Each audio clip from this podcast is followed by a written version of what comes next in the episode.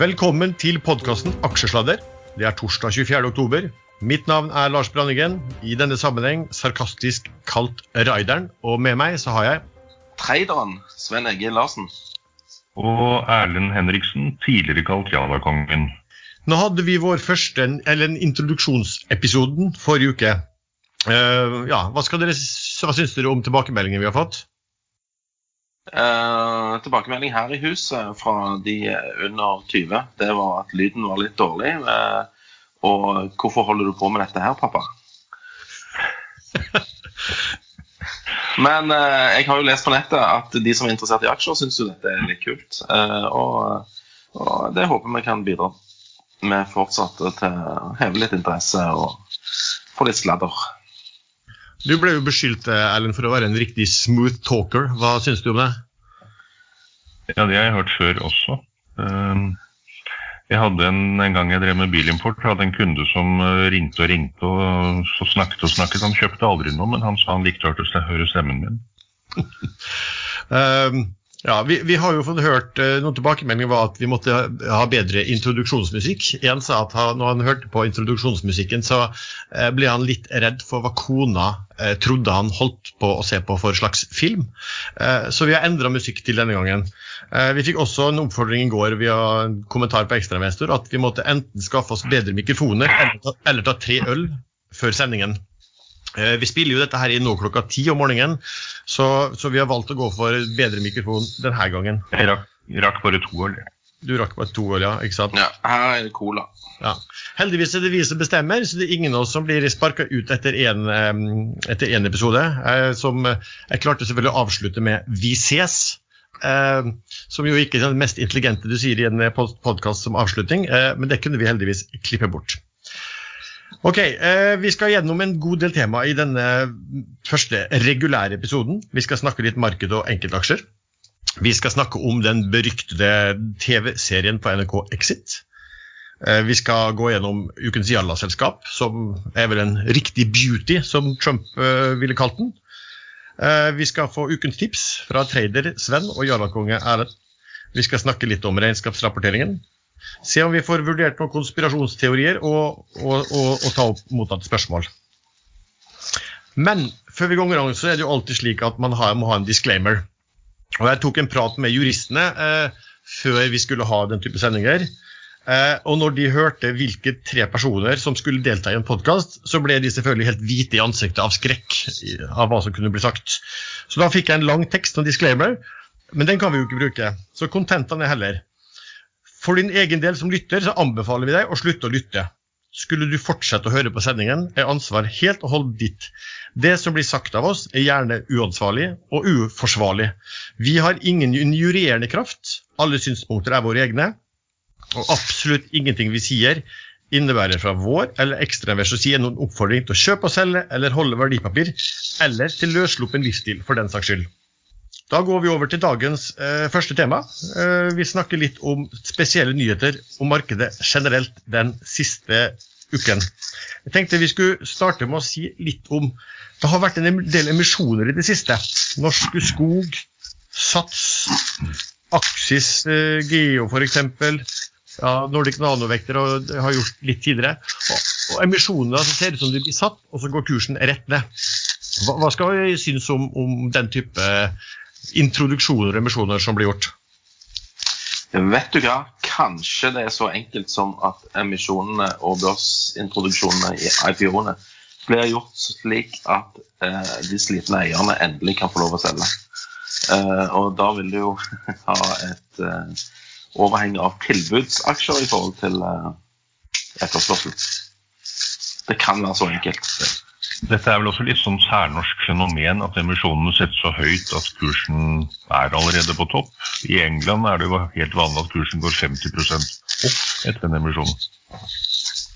Ja, for, min, for, min del så syns jeg også det ser ut som om eh, kom, I forkant av, av av IPO-ene så går det altså meglere ut på banen med svært svært høye verdivurderinger, eh, men ganske bred range.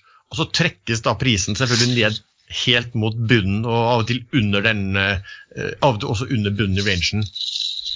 Og Det sier meg litt at det fremstår nesten som et forsøk på å eh, fortelle noen at prisen egentlig, eller verdien egentlig er mye høyere, men nå blir prisen så lav at nå må dere tegne dere.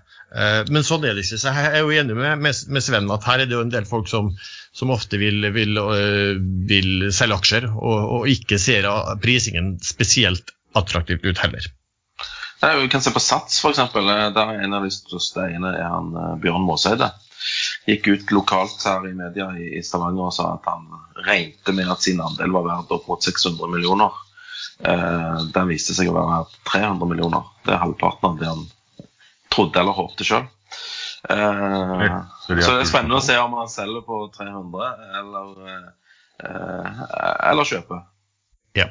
Er det noe annet i markedet sånn generelt den siste uken uh, som dere har reagert på, eller som dere tror kommer til å skje den neste korte perioden? Vi har jo havna midt inne i eh, resultatrapportering for tredje kvartal. Eh, det er masse nyheter hver morgen. Veldig mye å sette seg inn i. Eh, heldigvis har vi noen analytikere som kan studere tallene og komme med sine kommentarer før børsen åpner. Skulle vi gjort det sjøl, så, så, hadde det blitt ganske stressende. Resultatsesongen, resultatsesongen kommer sikkert til å fortsette en god stund til. og det vil bli volatilitet i enkeltaksjer, i hvert fall. For eh, egen del så har jeg lagt merke til at eh, det rushet vi hadde i alle aksjer i tre, fire, fem uker, det er nå helt borte. Det er fullstendig dødt i alle aksjene. Kursene faller, så de som ikke klarte å komme seg ut uh, i slutten av Eller før midten av oktober, de, de sitter ganske støkk nå med 30-40-50% nedgang. Ja, og det er vel en del av de aksjene. Altså, nå er jo likviditeten ofte ganske tynn i denne aksjer, og faktisk også langt større aksjer også. Og det er klart at Hvis interessen tas bort, uh, så er det jo heller ikke så lett å komme seg ut av ja, ver verken den eller andre aksjer. Så er det jo også sånn at Vi, vi er jo i um, oktober, og oktober, det er vel slik at oktober-november bruker å anses kanskje som de farligste månedene for, for, en, uh, for en, generell uh, nedgang i aksjemarkedet.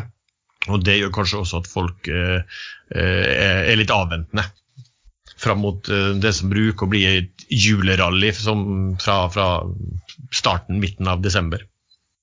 Det har vel kanskje med at forsterkes, uh, forsterkes vel litt av prosesser som pågår i USA akkurat nå, med både handelskrig og impeachment-prosess. Markedet er usikre. Hva skjer? Det, det, har vel òg kanskje litt med at uh, de store fondene de lukker vel bøkene litt før årsslutt. Sånn at eventuelt rensking og vasking av bøker skjer uh, gjerne før desember. Tema som stadig kommer opp når man uh, driver med aksjer nå, og når man treffer folk ute som, som ikke kjenner til miljøet, da får man spørsmål om serien Exit som går på NRK. Eh, og for de som ikke har sett den, så er det da en, en, en serie om fire uh, finansmenn som strengt tatt eh, bruker, bruker, narkotika og, og, og, gjør det meste uten at det er spesielt mye, eller ei, det svært lite om finans i den serien. men mange spør jo er, er det her en, en virkelighet man kjenner seg igjen i, og det gjør vel du, Sven? Ja, jeg kjenner meg veldig godt igjen. Det en vanlig tirsdag på hjemmekontoret her på Rege. Cola på kontoret. Jeg får, jeg får, faktisk levert fire brett med cola litt senere i kveld. Kommer direkte fra Tyskland.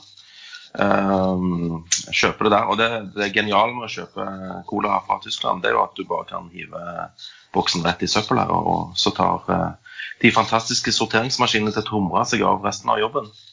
Deilig. Akkurat som du er på ferie. Eh, jeg kan ikke uttale meg om den eh, serien, jeg har ikke sett den. Det blir litt som skuespillere som heller ikke ser sine egne filmer. De er ferdig med det, legger det bak seg. Men, men navnene på, på, hvem disse fire altså, NRKs historie er vel egentlig at de ga fire eh, ganske kjente finansmenn eh, som var venner. De, de ble, ble, egentlig omtrent lukket inn på et hotellrom og, og fora med eh, drugs. og og, og, så teipet de hva de fortalte om elleville historier. Eh, for min del så høres det litt eh, usannsynlig ut. Jeg vil tro at i det miljøet der så er de ikke spesielt interessert i å la eh, NRK eller andre teipe hva de holder på med. Og, og, det er jo ofte en del historier i det miljøet som går fra eh, munn til munn. Eh, slik at det vil jo være fort gjort eh, å, å, å, finne ut kanskje for en del i hvert fall, hvem, hvem, disse er, og det kunne jo være veldig skadelig for deres karriere. Og nå er Det jo sånn at det er vel mange av oss som har fått mailer eller fra folk man kjenner som hevder å vite hvem disse fire er. Uh, har du fått det, Sven? Nei, men de jeg snakker med, som da ikke jobber innen finans, gjerne heller oljerelatert, de eh, tror jo faktisk at eh, finansmiljøet i Oslo kan være sånn som det er portrettert i serien. Og det syns jeg er litt skremmende. Jeg har jo sett spekulasjoner på hvem dette kan være. Jeg har ikke peiling. Jeg kjenner ikke så godt til finansmiljøet i Oslo. det er i hvert fall ikke likt finansmiljøet i Stavanger-regionen. Nei, altså jeg tror vel Hva med deg, Lars? Har du, har du noen mistanker? egentlig ikke. Eh, jeg tror egentlig ikke på, på liksom bakgrunnshistorien. Eh, jeg har hørt fra folk hvem, hvem, eh, hvem, det skulle være, men jeg kjenner ikke til hva, liksom, hvordan de folkene for, for, forholder seg til liv og, og, og, festing og den biten der. Så, så, jeg har litt mine tvil på Jeg tror det er et oppkok av veldig mange historier fra fra finansmiljøet. Og nå har jeg jo sett at Trygve Hegnar gikk kanskje ganske langt i å, i å påpeke hvem en av disse skulle være, for han nevnte i en artikkel om eh, Dubai-baserte finansmenn. Eh, og det er vel litt sånn at Man tenderer vel egentlig av, til å kalle en del folk for finansmenn som egentlig bare er svindlere, for å si det sånn. Så, så jeg tror man skal skille litt der også. Jeg tror egentlig Hegna har et godt øye for detaljer. Det, det, kan, nok, det, kan, nok, kan, det kan nok godt være. Ja, Stadig vekk så ser vi at, eh, at uh, renten uh, faller i ulike land. Donald Trump er jo hardt på banen og vil at The Fed skal sette ned renten. Han påpeker da at i andre land så er renten rundt null, eller en del steder minus, sånn som i Tyskland. Eh, vi har jo også Andreassen, f.eks., makroøkonom i Norge, og tar jo også til orde for at eh, Norges Bank bør begynne å sette ned renten og ned mot null, der den til slutt vil komme til å havne uansett. Eh, hva tenker dere om det? Jeg tenker ikke så mye over det, men nå har jo han godeste Andreassen vært negativ til både boligmarkedet og alt mulig så lenge jeg kan huske å ha lest hans kommentarer. Så det preller som vann på gåsa. Ja, for, Norge er en ganske liten økonomi, så i Norge så kan vel eh, ting, ikke, ting fort skje motsatt av det man tror òg. Ja. For min del så er jeg litt sånn generelt på Jeg, ser liksom mye motiveringene på negativ rente. og altså, jeg, jeg prøver å tenke litt enkelt at rente er egentlig det du får for å utsette forbruket ditt i dag. Du har en million kroner du kan bruke i dag. Eh, du låner det heller bort til noen andre eh, mot å få pengene tilbake og mer til, sånn at du kan forbruke mer om et år, fem år, ti år. Det klart, men det er klart at når man begynner å låne penger til et land eh, på 10 år, 15 år, 50 år over en gang, til minusrenter, så har du vel egentlig sagt at du skal få betraktelig mindre penger om de årene. Og, like, og uansett så har du en, en viss risiko.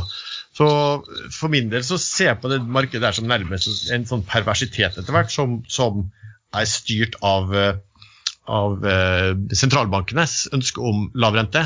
Det kan jo være både fordi at landene har uh, mye lån og, og, og, trenger lav rente, eller det kan også være nærmest for en, for en sånn valutakrig, skjult valutakrig mot uh, andre land. Men i det hele tatt, akkurat det med at, med at man at det ikke gir logisk mening å låne ut til noen penger mot garantert å få mindre tilbake hvis de i det hele tatt betaler, slår meg som, som, veldig veldig merkelig og noe man må passe på hva som skjer. Det, det, er i hvert fall et stort eksperiment. Ja, men det er kanskje en bedre investering enn uh, eventuelle andre alternative investeringer som du ville tapt mer på. Så kanskje dette er den beste investeringen likevel. Da har vi snakket litt om marked. Eh, spesielle nyheter om enkeltaksjer. Eh, en jeg tenkte vi kunne bare si litt om, er jo om PGS. Eh, som nå kom med tall eh, som en del syns var gode. Og det var i hvert fall sånn at flere meglerhus både oppgraderte aksjen, økte kursmål. men så er det jo sånn at de har prøvd å refinansiere et lån som vel forfaller litt over nyttår. Hva tenker dere der? Eh, eh, vil det komme en emisjon, og blir det òg eller refinansiering av lån? Jeg tror svaret er ja. Begge deler. Eh, ja, altså, Nå har du jo to meglerhus i hvert fall som er plutselig blitt eh, veldig positive til storyen. Eh, og alle vet at de trenger penger. Eh, da er det bare å legge én og én sammen. Så regner jeg med at det går bedre denne gangen når de skal prøve å refinansiere enn sist gang. Eh, nå har jo vinduet lukka seg veldig i alt som har med oljeservice og spesielt eh, stål eh, i, i, dette segmentet. Eh, det er vel det shippingsegmentet som går dårligst for øyeblikket. Mens resten av shippingverden går jo så det ljomer. En uh, generell betraktning er vel at hver dag som går uten refinansiering med lån, så rykker emisjonen nærmere. Ja, det er en, det er en grei betraktning. Altså, jeg ser også litt sånn de, ja, de, de, prøvde vel å refinansiere det lånet sitt var det i sommer en gang. Men, ja. men, og, men, da tilbudene de fikk var eh, Jeg husker ikke hvor høye renter det ble sagt at det var, men var det, om det oppe i 13-14 de måtte betale? Nå er det vel enda dårligere, tenker jeg. Ja, den gangen var jo vinduet åpent faktisk for den type selskap. Mm. Ja, det ble det. Men, men, PGS har i hvert fall, altså det, det, de kan ha en mulighet til, de har jo et stort sånn multiklientbibliotek. Eh, de kan jo eh, eventuelt selge det videre. Men det er klart det er jo ikke sånn veldig mange tagere på det. Og, og, og, hvis man vet at valget til PGS da er gjerne å få gjort emisjon, eller å, å, få solgt uh, multiklientbiblioteket, så, så vil jo de eventuelle interessentene på det prise biblioteket tilsvarende.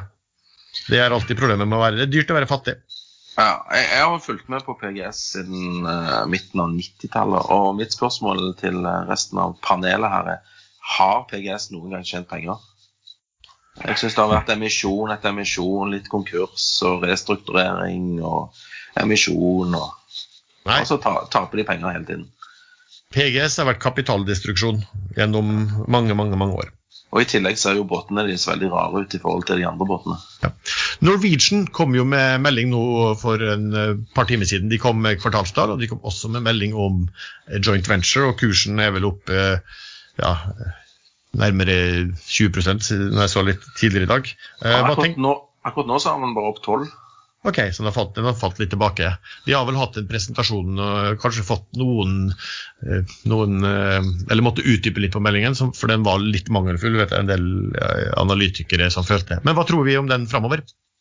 Nei, vet du hva. Jeg leste så vidt regnskapet for tredje kvartal, og ser jo at egenkapitalandelen er på formidable 5,7% Så her kan alt skje. Hva med denne JV-avtalen med Kina-selskap? Kan det bli trøbbel for Norwegian i USA hvis ikke handelskrigen løses? Ingen anelse hvordan det der vil uh, fungere. Men jeg har vel ikke sett noe som tilsier at, at det å få finansiering fra Kina eh, har vært noen problemer. Det er vel mer hvis de er på eiersiden i noe. Er ikke hele USA finansiert av Kina? det kan du si. Ja. Da kan vi skifte litt tema. Noreco er jo alltid ja. interessant. De har jo um, kommet med marketmaker nå. Kursen har faktisk stabilisert seg litt sånn oppadgående igjen. Jeg klarer ikke helt å få tak i det selskapet. Skal det være verdt 300 kroner eller 500 eller 180, uh, var det vel emisjonen var på? 185? Eh, jeg tror kanskje det vil skje en reprising En ene eller andre veien eh, når du får sett tallene for tredje kvartal. Du vil se liksom hva det oppkjøpet i Danmark eh, faktisk gir av cashflow og eh, eiendeler. Og ikke minst kostnader. Og hvor mye produksjonen eventuelt faller. Der, der, avslørte du en av mine, et selskap og en, en, liste jeg har, eh, Sven. Eh, fordi jeg også har sett på Noreco og tror at Q3-tallene, da blir det nok en del skriverier om hvor mye penger de tjener. Ja. Eh, for da har de endelig fått med, seg, fått med seg mm, De kjøpte jo et stort felt i Danmark som produserer mye. og Det, det spesielle her er jo at Noreco har da i Danmark et så vanvittig stort framførbart skattemessig underskudd at uh, mens vanlige oljeselskaper må betale veldig mye skatt på, på inntektene sine, så, uh, Noreco, så slipper Noreco i stor grad det. Hvor lenge varer denne fastprisavtalen på salg av olje med Shell? Den garantien? Uh, ut september 2020, så vidt jeg husker. Ja. Og det er 80 dollar fatet, eller? Ca. 80 dollar fatet, ja. For 80% av produksjonen. Ja. Men det er klart, de, de, nå kjøpte de feltet også når, øh, når oljeprisen lå på en 75 til øh, 80 dollar fatet. Så du kan jo kanskje si at de har betalt øh, litt deretter også. Kanskje. Har de fremdeles eh, dette engelske underskuddet? Som, eh, er det gjort noe med det, eller kan det komme som en overraskelse? Positiv? Uh, ja, altså underskuddet ligger der. Jeg vet ikke hvor lenge det, det varer uh, skattemessig. Men uh, selvfølgelig, det kan komme en trigger der. Men jeg, jeg vet ikke om de har om de er i forhandlinger i det hele tatt. Jeg syns bare de har snakket om Danmark den siste, den siste tiden. Ja. Nå er det jo flinke folk der inne, og de har helt sikkert øye på det, det engelske altså, For å forklare så Noreco hadde jo da uh, felt, eller selskap, i, i England, uh, hvor de tapte betydelig med penger. Eh, og har solgt de feltene. og Da sitter de igjen med, på samme måte som de gjorde i Danmark, store framførbare, altså store skatteposisjoner. Og Det forsøker de nå å utnytte når de har kommet seg på beina igjen, ved å kjøpe seg inn i produserende felt som gir overskudd, men der de slipper å betale skatt. Det som er veldig fascinerende med Noreco, er jo at de nå prises til ca. det samme som de ville ha blitt priset til hvis de hadde vunnet forsikringssaken. Og den tapte de, og likevel så har de klart å snu gammel dritt til dagens verdi. Ja, nå, det, nå er det jo det Jeg ser at det er ikke så veldig mange eh, institusjonelle fond, norske vel å merke, på, på aksjonærlisten. Eh, I stor grad så er jo det dominert av, av et par to-tre hedgefond fra, fra, USA. Og mange investorer, herunder mange investorer fra, fra Rogaland. Ja, olje òg, vet du. Nei, men Noreco har jo hatt hovedkontoret i, i Stavanger, og det er mange her borte som har tatt veldig mye penger på, den, eh, på det selskapet. Så det er ikke unaturlig at en del prøver å få de tilbake igjen. Ja. Jeg tror etter det eh, Hevntrade. Ja, ikke se bort fra det. Jeg tror også at, at det som gjør en, en, del holder seg borte fra det, er dessverre litt corporate governance, som de oppfatter det. For det er klart at, at uh, Rier Frustad som veldig uh, styremedler, arbeidende styreleder er en veldig flink kar, men han har også fått seg noen utrolig gode avtaler på, på provisjoner mens han satt der. Han hadde jo en strålende avtale om å få en provisjon på uh, hvis de vant forsikringssaken. Uh, den tapte jo da til slutt, men til gjengjeld så fikk han da en veldig fin pott. Jeg lurer på om det var oppi 15-20 millioner kroner, som da honorar fordi at de klarte å kjøpe dette feltet i, eh, i eh, Danmark. Og sånt er det en del som, som Eh, reagerer på. Pluss at det har også vært litt, litt ansettelser i selskapet som har vært eh, av, av, av, nær, av, nær, familie, eh, hvor folk kanskje tenker på at det virker litt sånn nepotismeaktig ut. Og, og, og, når man får disse her, så er det en del av disse spesielt norske aksjefondene som, som holder seg unna. Man er jo Alltid, de aktørene er jo alltid redde for å bli kritisert, og da, ja, da finner de heller noe annet ting å, å investere i. Ja, men når det er sagt, så skal jo dette stemmes gjennom på generalforsamlinger, og der virker det jo som at dette har gått helt greit. Eh, og kanskje kulturen for slike ting er annerledes i, i utlandet enn her på Bergen. Ja da, helt klart. Og, og, det er jo akkurat det at selskapet de facto har jo vært styrt av, av noen amerikanske eh, hedgefond nå i en, en, god del år. Da skifter vi litt tema. Eh, Ekstrainvestor tilbyr børsnoterte unoterte selskap muligheten til å presentere seg via oss, og dermed kunne nå titusentalls norske investorer og viktige aktører i kapitalmarkedet generelt. Her er en melding fra neste spennende aktør ut. Hei, mitt navn er Per Valdai, og jeg er CEO i PCI Biotech.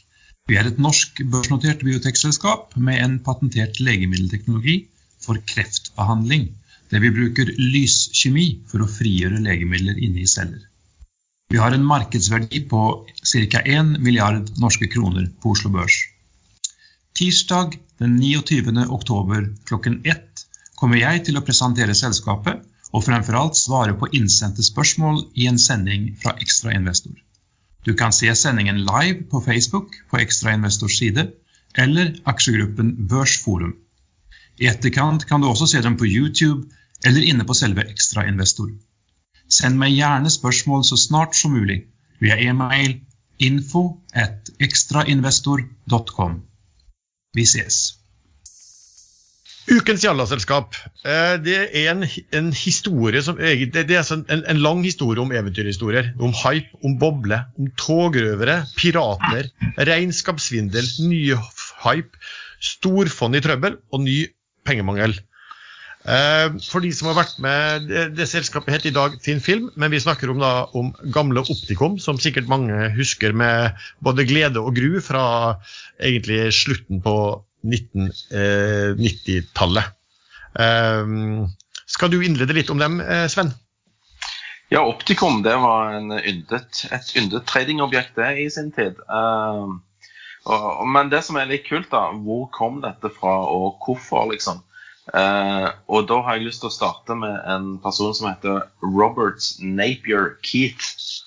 En engelskmann uh, som har vært ansatt i et britisk meglerhus uh, siden 1970-tallet. Et meglerhus som heter TC Coombs. De jobbet faktisk med investeringer i norske spekulative, illikvide papirer allerede da. Og som en artig, artig digresjon så drev jeg og investerte, eller investerte. Jeg kjøpte noen aksjer i et selskap som heter Norsk Polarnavigasjon. Eh, på midten av 80-tallet. De drev da og lette etter olje på eh, Svalbard. Og i ettertid så har jeg jo sett at eh, det største aksjonær der eh, var jo faktisk uh, Robert Keith. og du ser allerede mønsteret fra den tiden at de gikk inn i de mest spekulative papirene for å kanskje villede og hype opp kursen overfor litt naive nordmenn. Ehm, det som da skjedde, var at dette meglerhuset TC Cooms, som da drev med masse aksjeinvesteringer i Thailand, Indonesia, Filippinene, Argentina, alle disse eksotiske landene, inklusiv Norge, de eh, gikk over ende i 1991 eh, i en bedrageriskandale. Ikke uventa, sikkert. Men Keat han fant en ny venn å investere med, en som heter Thomas Fussell. De fant en eksentrisk nordmann som heter Hans Kudde Gudesen, som da hadde sett på muligheten for å kunne trykke eh, altså minnebrikker på eh, plastikkfilm. Og de tok med seg dette her, starta opp Optikum, og gjennom selskapet Charles Street Group så eide de ca. 10 tror jeg, ved oppstart. Um, og i tillegg så Eh, hadde de en stor post i uh, fingerprintselskapet Idex, men det kom litt senere. Uansett, det var starten på historien om Optikum. Hans Gud Gudesen hadde funnet på noe veldig lurt. Uh, fikk med seg disse hype-folkene fra London, og så var eventyret i gang.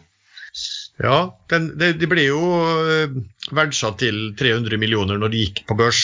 Da hadde de faktisk også fått med seg søkemotoren Fast inn i selskapet.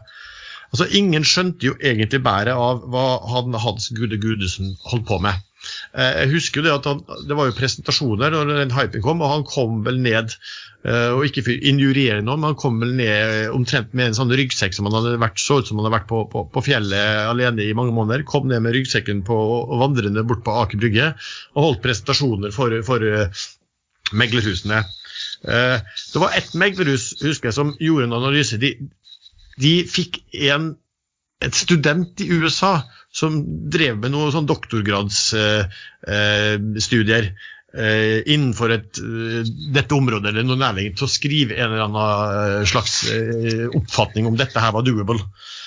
og Det endte jo selvfølgelig med en dundrende kjøpsanbefaling, og kursen gikk. jeg tror at, hvis jeg husker riktig, så om den kursen om det var 1000 eller 3000 den, den var på det høyeste, men selskapet var i hvert fall verdt rundt årtusenskiftet var det verdt oppi 30 milliarder kroner i, børs, uh, i børsverdi.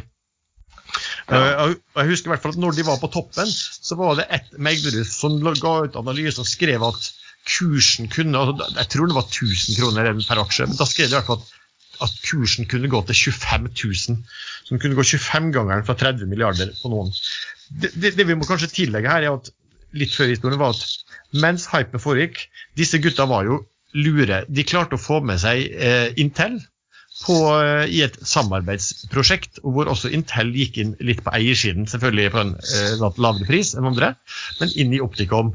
Og det var jo også som, som, som, som brennstoff for den eh, raketten som, eh, som, var på vei. Eh, det ble selvfølgelig aldri noe av dette med Intel og samarbeid. Det kom aldri noe produkt ut av det.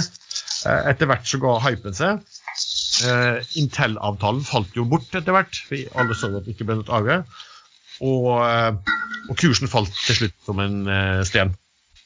Eh, Fast, som jo var en veldig spennende søkemotor, stor søkemotor, ble skilt ut til Opticom. Og Opticom holdt på sin 30 i andel. Eh, etter hvert så falt på børskursen og børsverdien på Opticom så mye at du kunne kjøpe fast-aksjer billigere indirekte gjennom Opticom. Uh, Fussel og Keith de hadde tatt opp lån store lån med pant i aksjene i eh, Opticom, og plutselig ble de tvangssolgt. Da kjøpte Orkla aksjene, og da var det i gang. Da ble det kamp om, eh, om kontrollen over Opticom, som reelt også innebærer kontroll og kontrollen over Fast. På den ene siden så hadde du Fussel og Keith, og eh, de hadde jo et spesielt tilnavn sammen, Sven, husker du det? Ja, som eh, alle kjente togrøvere, så eh, var de britiske. Og de ble kalt togrøverne av i hvert fall eh, Øystein Spetalen. Ja. Uh, og Gudesen var vel òg med på det laget deres til å begynne med, i hvert fall. Ja, det stemmer. Og fødsel, men fødsel Det er vel også populært kalt sleip og ussel, mener jeg har hørt det, det er riktig. Fødsel var ussel, og, og Kis var sleip. Uh, noe vi kan være uh, gode enige i. I alle fall, det som skjedde, var at Øystein Spetalen og Stordal kastet seg også inn der. Så du hadde altså togrøverne, som, eh, som Spetalen og co. kalte, kalte Fødsel og Keith, mot piratene, som uh, Fødsel og Keith kalte Orkla, Øystein Stray Spetalen og, eh, og, og, Petter Stordalen. Og jeg husker jo at Det kom jo veldig harde beskyldninger fra han Keith mot Øystein Spetalen, Eh, hvorav Øystein Spetalen i, i, media bare svarte at eh, tyven tror at alle stjeler. Eh, det som skjedde i første omgang, var jo at, eh, at Orkla, Spetalen og Stordalen vant kampen. De fikk skilt ut det som da var opprinnelig Opticom, altså det vil Si det som i dag er Finn Film, til et eget børsnotert selskap. Eh, senere så vant faktisk Keith Co. tilbake kontrollen, og det endte opp med at Fast kjøpte Opticom. Fast hadde altså en, en fantastisk salgsvekst. Men det man ikke så i de tallene det, Eller rett og slett, de hadde store inntekter, økende inntekter, men eh, kundefordringene økte usedvanlig kraftig. Og så måte at Etter hvert så begynte man å si her, kom det jo faktisk ikke penger inn. Eh, og det viste seg at de hadde inngått såkalte memorandum of understanding med kundene. Eh, det vil si at Kundene da kunne velge om de ville kjøpe dette produktet. De kunne få bruke det gratis. Men da førte disse kanskje-avtalene til inntekter uh, uh, allerede da. I alle fall, det, det, som skjedde, var at Microsoft kjøpte fast Keith og Fussell. Uh, tjente veldig mye penger. men regnskapsmanipulasjon det slapp ikke Fast unna. toppsjefen der i Fast han ble dømt, til slutt dømt for to års fengsel for brudd på regnskapsloven og for markedsmanipulasjon. Og da er vi tilbake til det som var det opprinnelige Optikum, som er dagens børsnoterte Finn Film.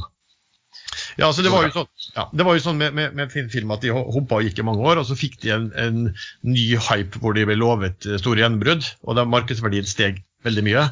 Eh, og Da kom storfondene Invesco og Woodford inn eh, i en rette emisjon.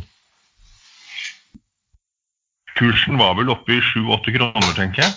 Eh, på det høyeste i trinn. Den ble hypet noe ekstremt. De skulle eh, De hev seg på den Internet of Things-bølgen, eh, som garantert kommer til å komme. Og det markedet kommer til å bli enormt, men de var tidlig ute. Satset kanskje på feil deler av det markedet. Og denne NFC, eller den taggen de holder på med, den har de nå kastet helt på båten. Men eh, da kursen begynte å falle, så, så, kom de da igjen med noen børsmeldinger om at nå skal markedet bli kjempestort. Og de fikk satt en emisjon på 2,50, mener jeg det var. Og da var kursen 2,30. Rundt 2,30 da den ble satt. Så altså 7-8 over børskurs. Eh, kursen gikk litt over det etterpå, og så begynte den å ramle. Eh, helt til 5,5 4,9 øre, faktisk, for et par-tre uker siden. Der har alle tapt penger. Ferd de gikk tungt inn på hele veien opp, og de gikk vel også inn på den 250-emisjonen. Og den investeringen de hadde der, den må vel ha kostet dem mange titalls millioner, hvis ikke enda mer. Og den har de nå solgt på snittkurs rundt 15 øre. For Ferd er jo ikke dette noe veldig stor del av porteføljen, men akkurat den har nok svidd en del for det. Disse andre store fondene som har vært inne, de har gått opp i sømmene. Utfort er under administrasjon, hele beholdningen ble tvangssolgt. Det var jo det som drev kursen ned til 4,9 øre. Og så kom da Jalla-trenerne inn, bl.a. jeg selv. Da det kom en melding som doblet kursen, og så gikk den til nesten 30 øre. Før den nå igjen er nede i 10 øre. Det Finn påstår de nå holder på med, det er å De har lagt ned hele den tag-satsingen, men de har en maskinpark som de mener de kan produsere andre ting på. Og når man googler Finn filmprodukter, så finnes det veldig mye. Alt fra temperaturmålere til solceller, faktisk. Alle mulige måleinstrumenter i, i de aller fleste bransjer. Så det er, fullt mulig at noen kan bruke utstyr de har, og det verdsetter de selv til nesten 40 millioner dollar. Så det er det som da nå skal bli den neste hypen. Generalforsamlingen var vel i går. Det skal kjøres en spleis, 1 til 20. Og der er det litt artig at de først foreslo en spleis 1 til, hva var det, 1 til 200, 250. Uh, før noen sikkert hvisket dem i øret at en Jalla-aksje kan ikke ha en kurs på, på, på over 100 kroner. ja. ja der, dem, der, demonstrerte de virkelig sitt, sitt, sitt Jalla-stempel ved at de, de, sa vel at de hadde fått så mye henvendelser fra aksjonærer som ikke mente at aksjen skulle koste så mye etter Spleis at de måtte, at de måtte redusere det så det skulle være ned til et par kroner. Så på kurs 10 øre så blir da kursen eh, to kroner etter Spleis. Eh, hvor den ender, det vet du ikke ennå. Eh, men ja, får de til den snuoperasjonen de nå snakker om, så, så kan det jo plutselig bli produsert verdier. Det vet vi ikke. Da tenkte jeg vi skulle gå over til nytt tema. Ukens tips. Her er det traderen mot Jallakongen. Hva har du å komme med, Sven? Vet du hva? Jeg har havna oppi et sort hull i Aserbajdsjan. Jeg har funnet fram til en aksje som er notert på tre forskjellige børser i verden. Det er et kjempestort selskap som heter Zenit Energy. Market capitalization ca. 140 millioner kroner. De er notert i UK, Canada og på Merkur-marked av alle plasser. Dette selskapet har en del sorte hull i, i Aserbajdsjan. De starta egentlig som et naturgasselskap i Italia. Sjefen for selskapet ser ut som en karakter fra en Martin Scorsese-film. Det trenger ikke være negativt, men de gjorde noe i 2016 som da har forvandla selskapet. De fikk en 25 avtale på det største oljefeltet i Aserbajdsjan, som ligger på land. Eh, der fikk de en 25 års eh, avtale til å eh, få opp oljen som ligger der. De, har, de sier sjøl at de har veldig mye reserver. De sier at de har 30,6 millioner 2P-reserver med nåverdi neddiskontert på 10 til ca. 480 millioner dollar. Ser du på regnskapet som ble avslutta mars 2019 så sier de at de har en egenkapital på rundt 500 millioner dollar. Tar du dette i, i, forhold til markedskapitaliseringen, så ser du jo at det er en viss oppside, hvis vi skal tro på disse tallene. Eh, jeg velger å ikke tro helt og fullt på dem, men eh, jeg ser jo at eh, det finnes olje i Aserbajdsjan. Der finnes mange borede brønner som de da skal prøve å bore litt dypere for å prøve å få ut oljen. De har eh, boret én olje, en C37-brønn. Der har de eh, fått ut 285 eh, fat døgnet, og med det dobla sin daglige produksjon. De har på gang et par nye brønner og har et uttalt mål om å produsere 1000 fat olje per dag innen mars 2020. Så hvis dette slår til, så vil nok aksjekursen i dette selskapet endre seg fra der den er nå. Jeg eh, deltok i den retta emisjonen som var nå eh, i Var det denne uka? Nei, det var forrige uke. Var det ikke? Jo, det var på fredag. Eh, og eh, selvfølgelig, ja, jeg har kjøpt aksjen. Jeg er positiv til aksjen. Eh, jeg ville vel ikke kjøpt hvis jeg ikke var positiv. Jeg tror denne her kan bli eh, neste ukes vinner eh, eh, i forhold til Jalla-kongen sitt tips.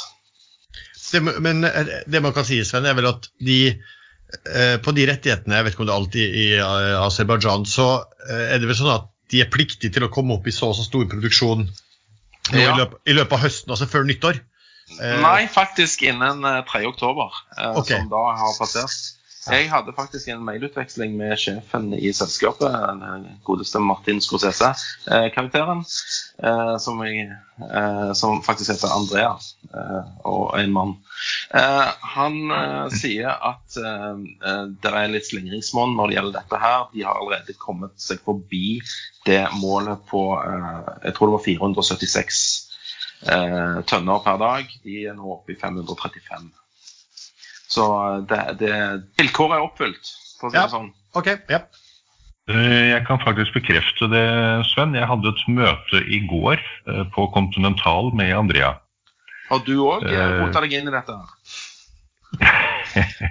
ja, vi, vi er mange nå som har tatt litt i dette selskapet. Det er et uh, mikrocap, uh, nesten uh, oljeselskap som har enorme ressurser, og så kan man tro hva man vil om det.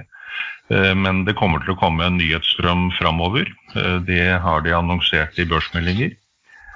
Eh, som jeg tror vil drive kursen godt oppover. Jeg har også hørt et rykte Jeg må bare få skyte inn før du ja, fortsetter. Jeg har hørt et rykte om at det kommer en analyse fra et selskap som nettopp ble marketmaker i aksjen. Så det er jo òg noe å se fram til. Ja, den vil komme. Det jeg kan si etter det møtet i går, som ikke er noen stor hemmelighet. Noe, jeg fikk, fikk, ikke noe innsideinformasjon. Da hadde jeg ikke nevnt at jeg hadde det møtet heller, og heller ikke handlet i aksjen. Canada-noteringen uh, uh, var den opprinnelige. Uh, selskapet flyttet da til London, og ikke på den lille AIM-børsen, men på hovedlisten, LSE. Uh, og opprettet Merkur-noteringen for å få tilgang til det norske oljepengemarkedet. Eh, det har han fått med seg fra Canada, at det er mange nordmenn som har investert mye i small cap olje. Eh, han var faktisk, faktisk, veldig fascinert over at nordmenn fremdeles gjør det, etter alle selskapene som har gått dunken i small cap. Aladdin Oil og TSU osv. Han kjente alle disse. Canargo, kanskje? Men ja, Canargo nevnte han spesielt. Han eh, la ut masse om det. Eh, men det han sier er at Canada er en eh, hangover. Eh, den, den, har de ikke bruk for. Det er nesten ikke omsetning, så den er nok på vei ut. Det, det, var for å forklare, det er mange som har sagt at tre børsnoteringer på et så lite selskap, det, det gir jallapreg, og det var han enig i. og det, det, er ikke noe som skal opprettholdes. Ja for balansens skyld, siden dere er to som eier eh, selskapet, og det gjør eh, ikke jeg, så kan det nok godt være at den aksjekursen går. Som langsiktig investering så er jeg svært tvilsom til et selskap som er notert på tre børser, knøttliten, med eh, eh, italienske eh, bakmenn med et oljefelt i Aserbajdsjan. Eh, med en meksikansk styreleder. og registrerte også at styrelederen i dette her som egentlig ikke en oljemygg, men en mikrooljemygg. Eller han, han, han, han, toppsjefen, han eh, Don Corleone, som dere kaller han. Nei, vi eh, kaller han ikke det. Nei.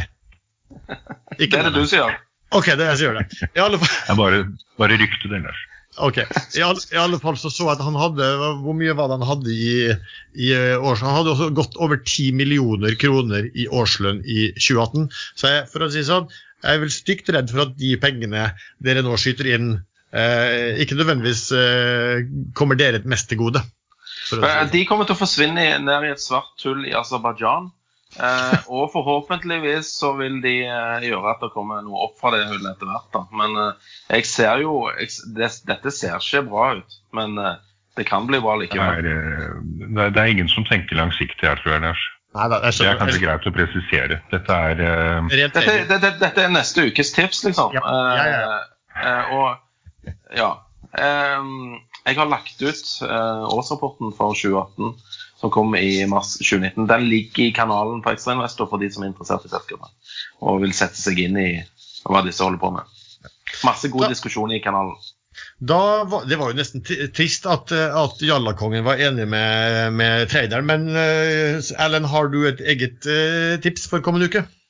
Ja, men da må jeg presisere at jeg har eh, kjøpt mye mer aksjer der enn jeg liker å ha i et sånt selskap. Det var eh, Bergen eh, Bingo, Bergen Bio heter det da, som kom med en melding i går, var det vel, eller foregårs, Oh, ja, ja. om fast track designation som skal være verdt masse penger, og kursen spratt opp til 22 kroner. Emisjonen ble satt sist på 13,50. Og akkurat nå er den tilbake på 16,76, så der ligger jeg i et uh, urealisert tap som ikke ser så veldig pent ut akkurat nå. Uh, men plutselig kommer den, kanskje. Ok, det var, det, så det var ukens tips fra dere to. Det, ja, man sier jo at lykken står den kjekke bi, men uh, ja, dere to er jo diskvalifisert der, selvfølgelig. Eh, mulig. Men, eh, bare for ordens skyld, så er da eh, i skrivende stund, eller lyttende, hva, hva heter det, snakkende stund, eh, Bergen Bingo 16 kroner og 78 øre, mens eh, Sena Mi er Sena Mi, ja. Den er 35,5 øre. Det er bare for, eh, for the record, liksom. For the record. Det er bra. Så deler på ti ganger med to, så får vi se hvor de står om en uke, Sven, så ser vi hvem som er vinneren. Ja, Det er mulig at eh, du vinner, fordi jeg tror ikke eh, Sena klarer 16 kroner, altså. Vi får se. Nei, det er derfor jeg sa dele på to ganger med ti. Eh, Da må, okay, ok, sånn, ja. ja. Da går vi over til neste tema. Vi har fått inn en del spørsmål. Men før vi tar de, så har jeg et lite spørsmål. Altså, under sendinga så hører jeg at det plinger akkurat som det er et kassaapparat. Altså, står det så dårlig til med en av dere, at dere står nå i kassa på et eller annet sted og slår inn varer for kundene og podkaster samtidig? Nei, det er ikke Jeg driver og trader litt innimellom her, fordi at uh, dette tar jo litt tid her å spille inn sånne podkaster, så jeg må jo spe på inntekten med å faktisk eh, eh, handle litt eh, innimellom. Sånn at det plingen du hører, det er utført av handler. Det er ikke noe mer uh, mystisk enn det. Ok. Uh, hvis du har spørsmål som du vil at vi skal svare på, eller, ta opp, uh, emner vi skal ta opp i framtidige uh, aksjesladderepisoder, så er det bare å sende det inn til info.ekstrainvestor.com. Her har vi fått et spørsmål Sven, som er retta til deg. Det står at eh, Sven nevnte i forrige podkast at det er blitt mye vanskeligere å trade nå som algoritmer styrer mye av handelen. Kan han utdype dette? Er volatiliteten blitt mindre? Må du ta avgjørelser fortere? Eller må du ganske enkelt kjøpe på selgers kurs? Dette kommer fra en hilsen fra en anonym trader fra Namsos. Akkurat. Det er trader på Namsos òg, altså. Det er kult, men uh, veldig godt spørsmål, eller veldig gode spørsmål. Uh, volatiliteten? Nei, jeg vil ikke si at den er økt. Uh, Den er vel snarere blitt mindre i sånne intradagbevegelser. Bortsett fra når du stiller inn algoritmene litt feil. Da vil du jo få eh, flash crash og hele den biten. Det er jo morsomt. Det skjer dessverre altfor sjelden. Eh, men når det skjer, så er, så er, så er det kjekt å være med på. Eh, ja, eh, algoritmene har tatt over veldig mange av arbeidsoppgavene jeg hadde før. Eh, jeg handler nå på en helt annen måte. Men jeg er så heldig at jeg bruker et meglerhus som faktisk tilbyr oss tradere og eh, algoritmer. Eh, det syns jeg er ganske kult. Eh, jeg har, skal vi se Én, to, tre, fire, fem Fem, nei, seks algoritmer eh, jeg kan eh, bruke til å handle med. Eh, en av de heter Smart Anonym. Eh, den var kulere før for når vi hadde megler i det, fordi at eh, da kunne du handle via et annet meglerhus enn det jeg bruker. Eh, og eh, det Ja, eksotiske meglerhus eh, vekker en del interesse hos tradere, for å si det mildt. Har en annen som heter Oasis. Eh, den, det er min favorittalgo. Eh, det var òg mitt favorittband på 90-tallet, så den liker jeg veldig godt. der, ligger du, der, eller der kan du ligge midt i spredden, eller hvor som helst i spredden, helt usynlig. Og du får gjort på bedre kurser enn der du ligger. Fantastisk algo. Den bruker jeg veldig ofte.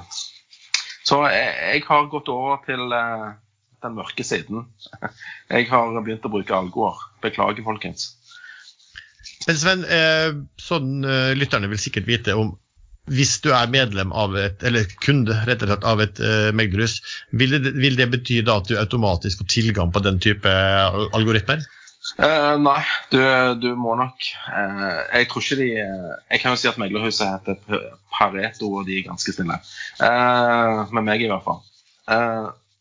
du må nok ha en viss peiling hva du holder på med, før de gir deg adgang til å handle med algoritmer. Eh, men hvis du, eh, hvis du, har holdt på en stund eh, og syns at du gjør litt for mye manuelt arbeid, så vil jeg bare spurt om du kunne få testa ut en algoritme eller to for å se om det var noe for deg. Men, men det vi kan fastslå, er at uh, Hva heter den algoritmen, Svend? Den, den, du, den, den som var, var, tidligere var anonym? Den heter Smart Anonym. Smart. Ja. Smart anonym. Så, så, når folk rundt omkring på ulike fora har entusiastisk sin favoritt, lille, kanskje eh, litt illikvide favorittaksje, konstatert ja. at nå kjøper Morgan Stanley aksjer i eh, det og det selskapet, nå er noe på gang, så, så har det vært eh, kjære Sven, Rogaland-Sven, som satt med Det var ikke Morgan Stanley, men et institusjonelt meglerhus som heter Instinet. Så det var jo enda større, ikke sant? Det er kun institusjonene som bruker Instinet. Det vil si at oi, det er store fond som handler i eh, den og den illikvide aksjen på Oslo Børs. Det er jo helt fantastisk. Vi har fått et spørsmål om Fotokur. Der står det Fotokur har gått fra utvikling til produksjon, har selv sagt at de blir cash-positive i 2020. Selv om kursen har doblet seg etter Hansson-salget, hva tror panelet om utviklingen i kursen hvis skråstrek når dette skjer? Nå, nå, falt jeg litt ut her. Uh, Fotokur, ja, aksjekursen har gått veldig jeg venter bare på at Hansen skal begynne å selge, men det har jo ikke skjedd til nå. Nei, det, det, det er vel Spørsmålet er egentlig hva, hva, hva tror man altså, når de kommer og selskapet kommer i cash, altså de, de, de tjener penger. Eh, hva tror vi, vi, med utviklingen i kursen hvis, når dette skjer? Jeg har ikke peiling. Jeg har sett uh, regnestykker på uh, tresifret kurs, men det vet man aldri det man kanskje skal si om, eh, om Fotokur og i og for seg likeartede selskap, er at eh, det er i hvert fall en god del selskap som prises veldig friskt eh, før de begynner å tjene penger. Når de begynner å tjene penger, det er gjerne litt sannhetens øyeblikk. Eh, for da går de ofte bort fra at man kan snakke om potensialet, til at man skal eh, begynne å snakke om reelle nøkkeltall price earnings, hvor mye tjener de per aksje, den biten der. Det har bitt hardt på en del aksjer som har kommet over i en sånn fase eh, hvor de skal vise seg. Eh, men nå har jo Fotokur vært veldig spennende. De vokser eh, relativt kraftig fra en liten base i, eh, i USA. Eh, og man forventer vel at den veksten vil, eh, vil fortsette ganske sterkt i en, i en ja, framover i hvert fall. Det er vel sånn at legene får eh, nå, altså brukerne eh, får refundert kostnadene eh, ved behandling. Det gjorde de ikke tidligere. Så det vil jo selvfølgelig slå, slå ut på omsetningen i USA. da. Når, når, det er sagt, så er jo det verste som kan skje du går fra et utviklingsselskap til et selskap som skal tjene penger. Det går som regel altfor lang tid før du liksom klarer å forsvare den aksjekursen du gjerne hadde på håp og drømmer. Nytt spørsmål, siste spørsmål vi tar i dag innsette, det er hvordan ser gjengen i aksjesladder på siste utviklingen i Petronor? Petronor er jo det da som heter African Petroleum i, for ikke så lenge siden. Ehm, jeg vet ikke om uh, verken Sveins venner eller jeg er rette til å svare på det, men de, de, de, har jo høye ambisjoner. Det er jo helt tydelig. De inngikk nå en avtale med Penora om å utvikle AI-feltet. Uh, det var vel ikke bare med Penora, men også de andre eierne. Det overtok vel også en del. De har eh, noe fond, kongefamilien i Abu Dhabi på eiersiden. Eh, så ambisjonen er helt klart til stede. Eh, evne har det vel også vist at de har. Så, men det er, eh, det er noe snakk om uh, Warrens, som norske aksjonærer, gamle APCL-aksjonærer skal få, eh, men da må noe eh, utløses innen 31.12.2019, og nå begynner tiden å gå ganske fort. For dette skal være både eh, godkjent i de to landene det gjelder, eller ett av dem. Enten eller er det vel. Så de som har aksjer nå og har vårrens, kanskje de mister vårrensene, men det er ikke nødvendigvis negativt for de som har aksjer uten vårrens, om de vårrensene ikke slår til. Jeg, jeg, kjøp, jeg kjøpte aksjer eh, i, i, i, selskapet, jeg har jo eid det fra, fra tid til annen før, for det hadde vært et bra tradingobjekt. Men jeg kjøpte også aksjer for å få warrants. Jeg kjøpte aksjer, og når den gikk X-warrant, så solgte jeg eh, raskt eh, etterpå. Da ble man egentlig sittende med en, med en opsjon. og det, det, er riktig som du sier, Erlend, at for å få de, så, så, så, så Gamle African Petroleum har omstridte lisenser i eh, Gambia og Senegal. Eh, de må få tilbake i hvert fall én av de lisensene og inngått avtale med en oljeaktør om at de skal farme seg ned, dvs. Si få en annen aktør inn også på eiersiden i lisensen. Da får eh, de, de aksjonærene som har warrants, da får de det. Og warrants fungerer ikke sånn at da, da får du rett og slett eh, gratisaksjer. For, eh, for, selskapet, så hvis dette skjer 1.1 istedenfor 31.12., eh, så vil selskapet likevel få tilbake disse lisensene i enten Gambia eller Senegal eller begge landene. Eh, men da utløses ikke vårens. Og det vil jo være bedre for kursen for de som ikke har vårens, for utvanningen blir jo mye mindre. Klart. Ja, når det gjelder den transaksjonen med Pranoro, så er jeg litt sur, faktisk. Fordi at Min største investering de siste tre årene har vært gjeld, eh, altså å eie gjelden til et selskap som eh, hadde FPSO-en på Adje-feltet. Der var vel du òg, Lars, inne med en, en, viss andel av den gjelden. Stemmer. Der klarte jo uh, Rubicon, da, som, som, drev selskapet, Rubicon Offshore, å selge denne FPSO-en til 15 millioner dollar til noen nigerianere fordi at operatøren på Adje hadde truet med at de ikke ville forlenge avtalen på, på skipet. Sånn at eh, jeg føler meg lurt. Eh, det ser jo nå ut som at eh, YFP, altså operatøren, sammen med Petronor da skal dra i gang et, eh, et eh, fase to der de vil bore nye oljebrønner. Og levetiden på den FPSO-en kommer til å bli sikkert fem-seks år til, i hvert fall. Så eh, jeg er litt sur på Petronor. Men det er jo ikke deres feil. Det er vel egentlig de andre. Nå har jeg en litt uh, morsom historie å fortelle om, om Petronor og African Petroleum og Argerfeltet. Uh, verden er liten. Uh, jeg var på, på en olje- og offshorekonferanse i regi Sparebanken. Traff på Erlend. Vi ble sittende og prate, og rett overfor oss så satt det et par hyggelige karer som vi kom i, i prat med. Det var da de gründerne av uh, det opprinnelige Petronor viste seg da, som da ikke var på børsen og da ikke gjorde noen ting med African Petroleum.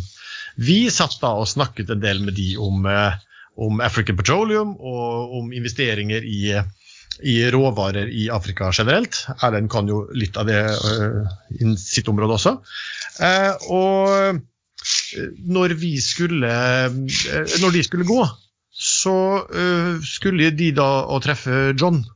Eh, og John var jo da John Hamilton, som da var CEO i Panoro Energy. Jeg har jo sittet i styret i eh, Panoro i min tid og var med å ansette John. Eh, sånn at jeg kjente jo godt han, så jeg visste jo hvem de ville møte. Og, og, og når de da, da, var interessert i å hadde fortalt at de var interessert i å investere i mindre oljefelt og lisenser i Vest-Afrika, så var det jo ikke så veldig vanskelig å slå to og to sammen, når jeg samtidig visste at Ponoro svært gjerne ville ut av eh, Argent-lisensen sin.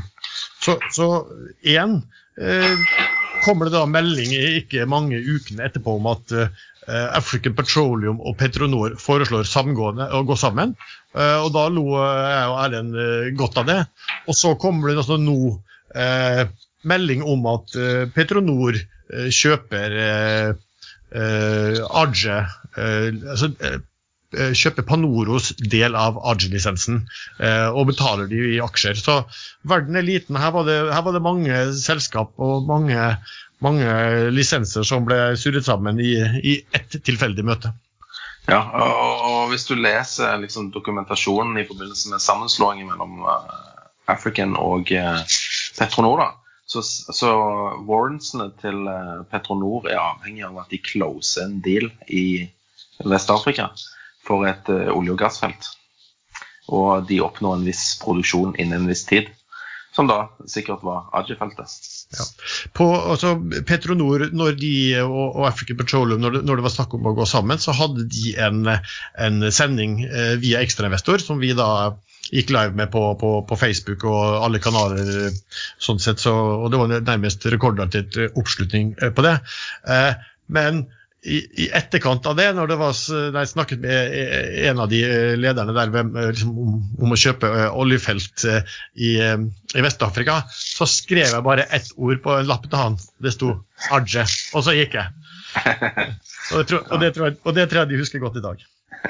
Ja vel. Um, vi, nå har vi vært gjennom ganske mange ulike ting. Vi begynner å bli tid for å la, å la lytterne slippe fri fra oss uh, for denne gang. Det er torsdag, vi begynner å nærme oss helgen. Vi kommer til å ha framover eh, gjerne noen, plukke, se noen kommentarer som vi har plukket opp både på Ekstrainvestor og andre steder. Eh, tenkte vi skulle ta akkurat denne her eh, knyttet til eh, forhåpentligvis helg, som, som jeg leste på fra en kommentator på Ekstrainvestor nylig. Han skrev som følgende Det å drikke alkohol er en livsstil.